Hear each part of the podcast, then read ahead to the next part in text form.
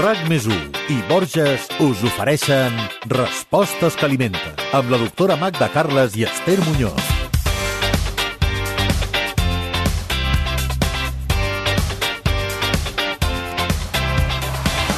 Diferents estudis de nutrició revelen que hi ha un tant per cent molt alt de nens que esmorzen cada dia cereals. De fet, aquest és un aliment dels preferits dels més petits i moltes vegades són una opció fixa del primer apat del dia. Ara bé, què ens aporten realment els cereals d'esmorzar? Són tan saludables com diuen? Són tan iguals a nivell nutritiu? Aquestes i altres preguntes les respondrem en aquest podcast que té com a objectiu millorar el primer apat del dia dels més petits.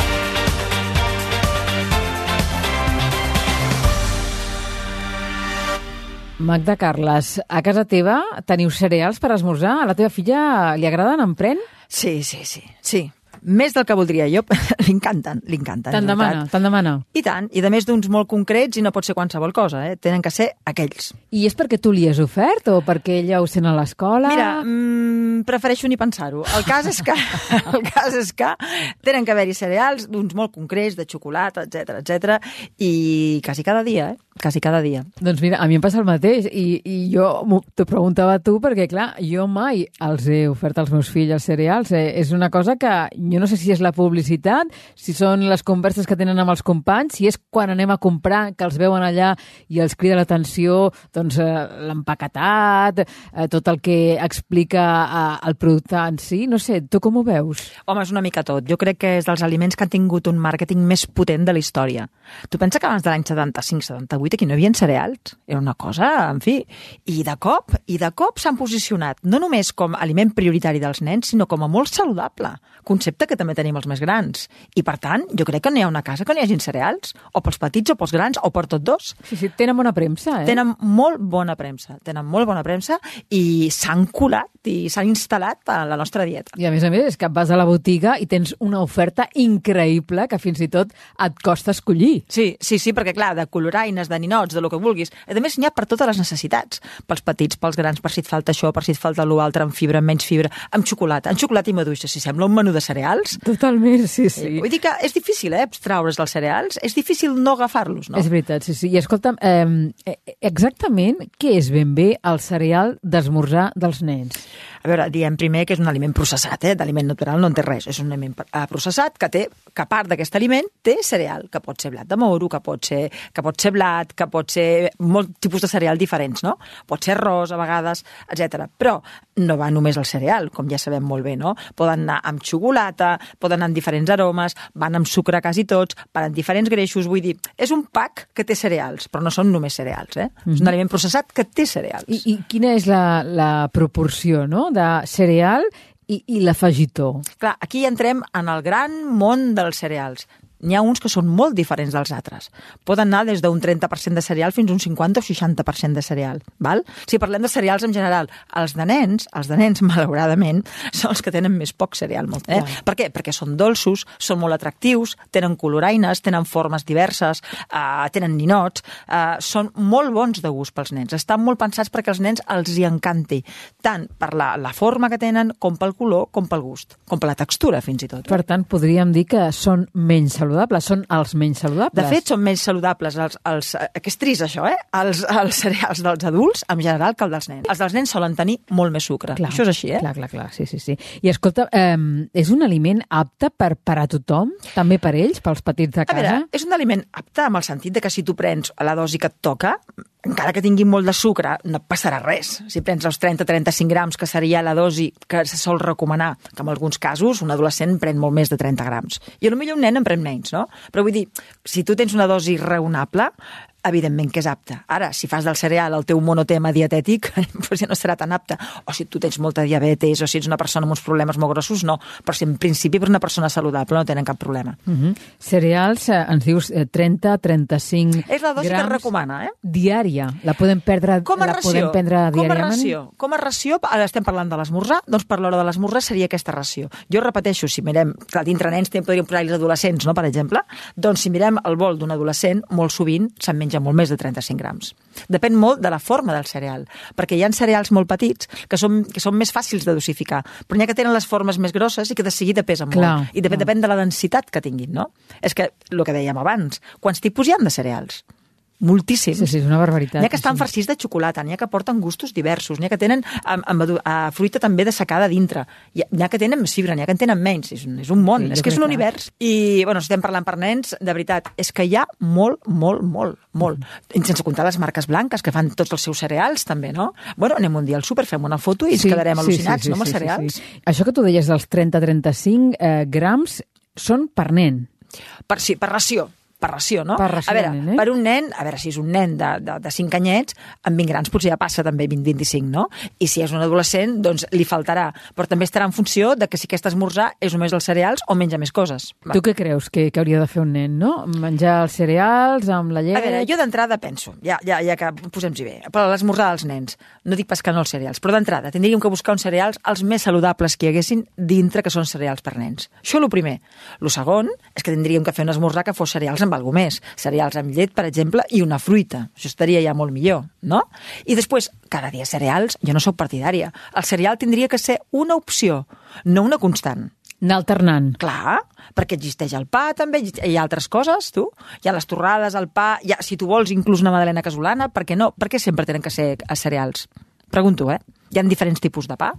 Per què un nen té que menjar cada dia cereals? Però, és clar, un cop el nen ha menjat aquella forma atractiva, aquell dolç tan intens, aquells ninots a la caixa, posa-li un tros de pa, dirà que te'l mengis tu. Clar, clar, clar, no, Clar. No, no, no hi ha comparació. No hi ha Ell, comparació possible. Des del Clar. seu punt de vista, no, doncs sempre es quedarà amb els cereals, no? O ho veu molt més atractiu. Jo repeteixo que tenen un màrqueting molt potent molt potent. Jo, per exemple, a vegades em miro, uh, perquè em- hi ha molts anuncis de cereals, cereals que inclús fan els malotes, no? Uh, uh, bueno, i sento que vol...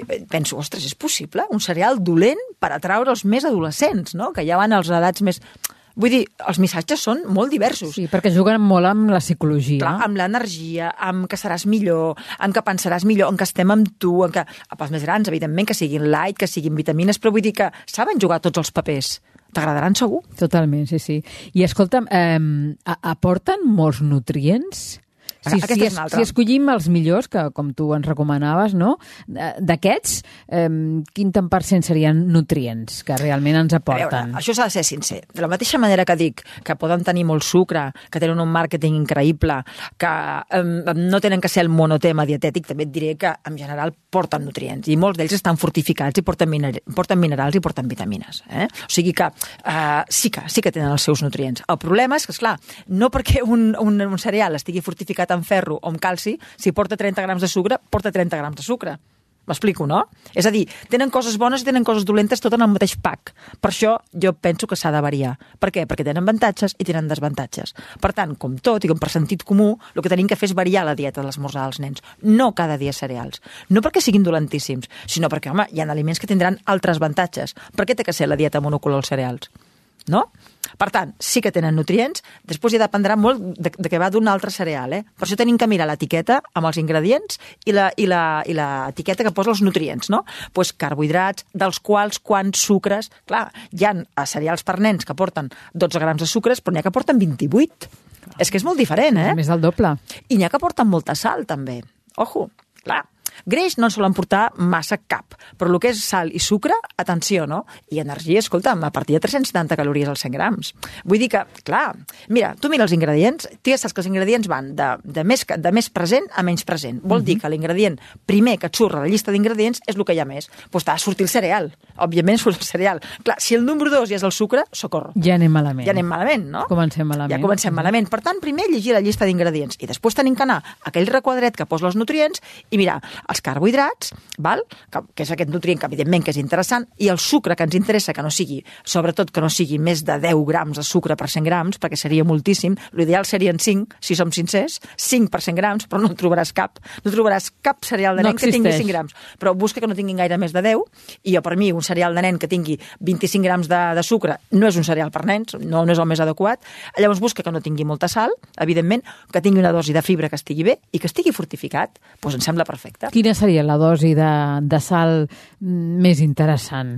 Home, sempre menys d'un gram, sempre menys d'un 1%, per suposat, eh? Sempre. Sempre, I, sempre. en, i, en- i n'acostumen a tenir més? Hi ha de tot.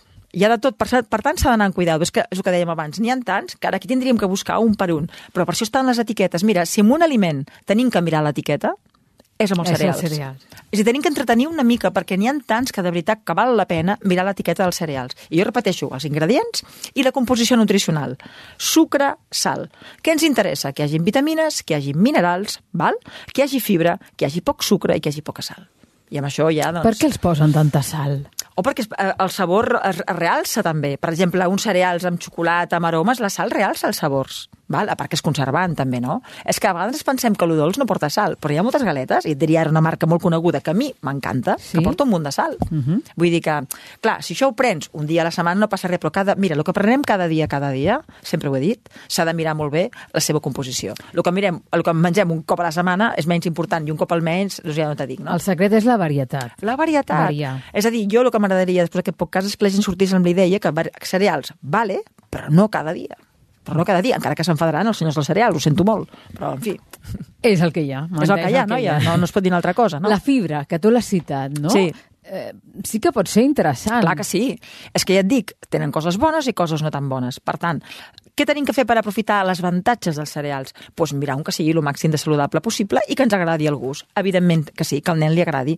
La fibra per què és interessant? Ja ho sabem perquè és interessant la fibra. Perquè, home, té moltíssimes funcions a l'organisme. Entre elles, cuidar les cèl·lules de l'intestí, regular l'absorció de colesterol i de glucosa, eh? facilitar la, la salut de l'enterocit, però és que, a més a més, és clar... Què és eh, l'enterocit? L'enterocit és, el, és la, la, la cèl·lula epitelial intestinal, val? entero d'intestí, no? I, I, a més, regular el trànsit intestinal. Vull dir, la fibra és necessària. A part que dona també una sensació de sacietat. Per exemple, quan parlem de nens que mengen molt, que mengen molta quantitat, ens interessa, ja sabem que hi ha molt sobrepès entre els nens, doncs un nen amb sobrepès li interessa que els seus cereals tinguin una bona dosi de fibra. De fet, eh, Magda, hi ha moltíssima gent que escull els cereals per esmorzar, eh, ja no parlo no només de nens, sinó també d'adults, pel tema del trànsit intestinal, Sí, sí. perquè els ajuda moltíssim. I és veritat, i és veritat, perquè s'ha de dir que hi ha cereals que tenen una bona composició, que també n'hi han, no?, i que tenen una bona dosi de fibra. I clar, és una bona manera de prendre fibra, clar que sí. És que jo no estic dient que els cereals siguin dolents, eh? El que estem dient és que, malauradament, els de nens solen ser menys saludables que els d'adults i que s'ha de mirar bé el que compres. Mm -hmm. I per un nen també és recomanable eh, prendre'n cereals eh, d'aquest tipus, amb molta fibra? A veure, molta, que tingui fibra perquè si el nano menja fruites i menja verdures, ja la fibra no ve només dels cereals. Vull dir que, home, que tingui una dosi normal de fibra. Tampoc ha de menjar aquells cereals que semblen palla, que són, són fibra, no? perquè pobret no li agradarà. Un cereal que estigui bé i que tingui una dosi pues, notable de fibra. En aquests casos també desaconsellaries eh, prendre'n cada dia o això seria ja una A veure, excepció i la podríem a veure, prendre? Si el cereal té una composició equilibrada, tu pots prendre'n més sovint, però inclús amb el millor cereal, jo aconsello variar. Perquè, a més, també estàs educant el nen amb la variació alimentària que és, és, és una de les bases de la salut alimentària, variar, perquè no hi ha cap aliment que sigui perfecte. Tots tenen coses bones, com sempre estem veient, i coses no tan bones. Per tant, si tu al nano també li obres altres mons per esmorzar, li estàs obrint altres gustos, altres expectatives, hi ha més mons a part dels cereals per esmorzar. I també està bé que el nen ho vegi. Doncs va, anem no? a aquests mons, anem Sí. a les alternatives. A mi m'expliquen els meus fills, no?, que molts companys de classe porten cereals per esmorzar, no? Sí. Tu què creus que és millor? Un entrepà eh, comparat amb els cereals? És millor l'entrepà que els cereals? Té avantatges i té desavantatges. Uh, ara, posem-nos en el cas de que es tracti de cereals saludables. Eh? Ja ens posem, que siguin el més... El, Els millors. Uh, els millors, que porten poc sucre, que tenen fibra, que estan fortificats. Val. Doncs, home, aquests cereals tenen l'avantatge que, evidentment, jo els puc tenir en una caixa durant molt temps a l'armari, que no, no, no tenen suc, no embruten, no pesen, és pràctic de portar i tenen uns gustos cruixents que ens agraden, no? A l'entrepà quines avantatges té? Home, a l'entrepà té l'avantatge que d'entrada el pa no té sucre que és una cosa que mai hi pensem. Un pa, a veure, hi ha pa de mollos que tenen sucre, eh? però un pa de flec artesana no té sucre. Tens raó. És, clar, llavors és que, a veure, és que parlem, uh, un 100 grams de cereals, per bons que siguin, porten 300 i pico calories, uh, de mitja, diguéssim, no? El pa pot portar 240, 260, però, però, més enllà del tema energètic, més enllà del tema energètic, ha el tema del sucre. Però és que si comprem un bon pa integral, també en té de fibra. Val? És veritat, això sí que s'ha de dir a favor dels cereals, que mai el pa està tan fortificat com els cereals. Això és cert. Però tu aquell nen li dones l'oportunitat de posar-hi en el pa aliments proteics que a tu t'interessin, que pot ser un bon formatge, que pot ser un bon pernil, que pot ser, si són més vegans, un humus, que pot ser una mica d'alvocat. És a dir, obrim la ment en aquell nen a altres sabors, perquè, a més, també hi ha diferents tipus de pa. No només pots variar el que hi ha entre pa i pa, sinó el tipus de pa. Per tant, per què no combinem tot una mica? L'estem educant nutricionalment, Exacte, Magda. exactament. Clar, si tu aquell nen el consideres un, mo- un monotema, és que no li estàs fent cap favor, saps? Vull dir, obrim, obrim l'expectativa de l'esmorzar dels nens. Fem que sigui variat, val? Com a mínim intentem variar els cereals. Inter Intentem-ho, intentem-ho, tu ho has no? dit. Sí. Hem vist una alternativa, l'entrepà. Anem amb una altra. Um, galetes, croissants versus cereals. Clar, aquí, evidentment, un croissant té una, té una, una diferència eh, respecte als cereals que, és, que juga amb desavantatge, no?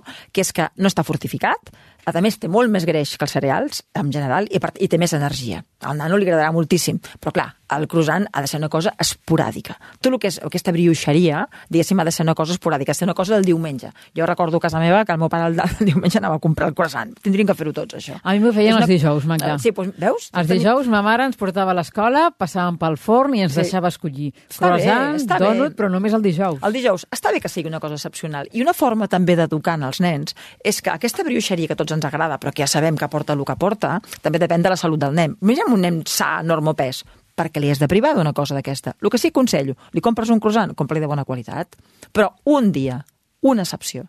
No com cada dia croissant, croissant, croissant, saps? Una altra cosa és que tu em diguis, i si li faig aquella coca casolana que la faig jo a casa? Això és un altre tema. Estem parlant de coses diferents. Això és un altre tema, uh -huh. perquè si jo faig una coca, unes magdalenes a casa, sé l'oli que hi poso, sé que hi poso ous, sé el sucre que hi poso, sé el tipus de llet que hi poso, és molt diferent. Aquí estem jugant amb una altra lliga, no? El casolà, jo controlo els ingredients. El que tu compres, encara que sigui una bona pastisseria, no saps el que hi ha dintre. Sí, sí. Eh? Tot i que no dubto que una bona pastisseria posa bons ingredients, eh? no estic dient que no. Però el que tu fas a casa, que és una cosa que tindríem que tornar-hi una mica a fer, escolta, aquella típica coca de, de iogurt, que és tan bàsica, que poses tots els ingredients allà, ximpum i surt bé, sempre surt bé. Si fas la bona I és proporció, molt sana, sí, sí. almenys, a més pots posar-hi més oli, menys, més sucre, menys... És fantàstic allò. Parlant de iogurt, eh, Magda, quin què és millor, cereals amb llet o amb iogurt? Mira, jo ho alternaria, jo alternaria. En quant a l'aport de calci, en quant a l'aport de calci, pensa que el iogurt és, és el mateix que la llet, eh? el iogurt. Però en quant a digestibilitat, és molt més digestiu el iogurt. A part que ens cura més, la, les cuida més la flora intestinal. I un nen també està bé que la cuidi, la flora intestinal. Per tant, jo amb el nen, el, i també és una forma d'obrir-li altres, altres sabors, saps? Jo li posaria iogurt. En tant en quant llet, en tant en quant iogurt. A més, és més saciant que la llet, eh? Un iogurt blanc és més saciant que la llet, no? És, I després una altra cosa, si jo un iogurt que és molt ensucrat, li poso un, ai, un, una, un cereal molt ensucrat, que no hi ha forma de treure-li aquell nen, jo li poso amb iogurt, amb un iogurt blanc natural, te'n menjarà menys, perquè és més saciant. Clar. I també et sortirà el sucre d'aquells cereals més tranquil·lament. És una bona estratègia, Clar, aquesta. perquè tu li poses la pasta allà del iogurt i ja veuràs que se'n menjarà menys. Ara, la llet és més fàcil, la llet és més pum, pum, pum. Sí, no? sí. Per cert, abans d'anar amb el resum, eh, una curiositat. Eh, és convenient que un nen prengui llet desnatada? No, no, sincerament, no. Un nen no té que prendre llet desnatada en quan un nen necessita el, tot el calci, tota la vitamina A, tota la vitamina D. A veure, és que no tothom està amb sobrepès i depèn quanta llet pren aquest nen. Tu creus que el vas de llet que es pren al matí ha de ser desnatat? Jo crec que això és una tonteria. I semidesnatada? Mira, me sembla més bé. Ojo amb extrapolar les necessitats dels adults als nens. Eh? Un nen té que créixer, té que estudiar, té que fer moltes coses a la seva vida, té una jornada superactiva i, per favor, no li posem les condicions dietètiques nostres, perquè no és el mateix un nen que un adult. Eh? I més ara, que aquest curs han començat les escoles Exacte, abans, eh? que ja, exacte. ja hem iniciat el curs el dia 5 de setembre. Mira, que a mi, que a mi no em sembla gens a malament. mi tampoc, A mi no eh? em sembla gens Hi ha gent malament. que està en contra, eh? però jo, estic a jo favor. No, jo no, eh? jo estic encantada, ho sento molt dir-ho, eh? Doncs estic vinga, encantada. anem amb el resum. Respostes que alimenten. Amb la doctora Magda Carles i Esther Muñoz.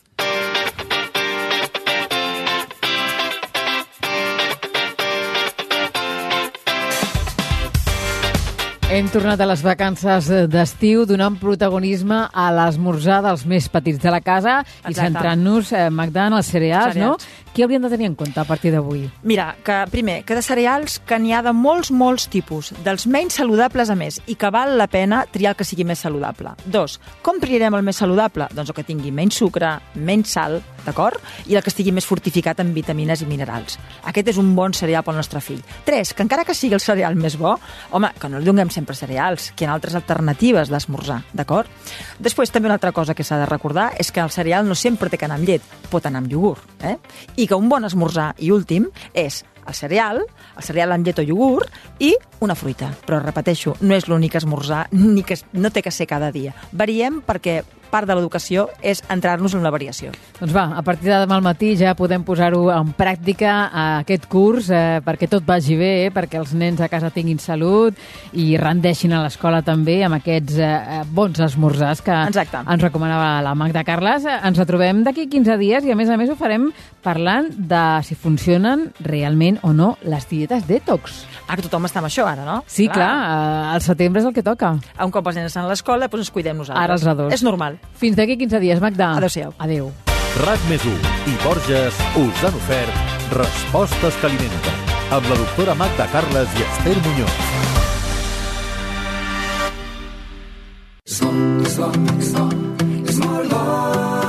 Cuidar-se és el més important. A Borges sempre et portem els productes més naturals perquè cuidem la terra que ens els ofereix i els elaborem de la manera més sostenible possible, com la nova ampolla d'oli feta en plàstic reciclat. Borges. Que bo que és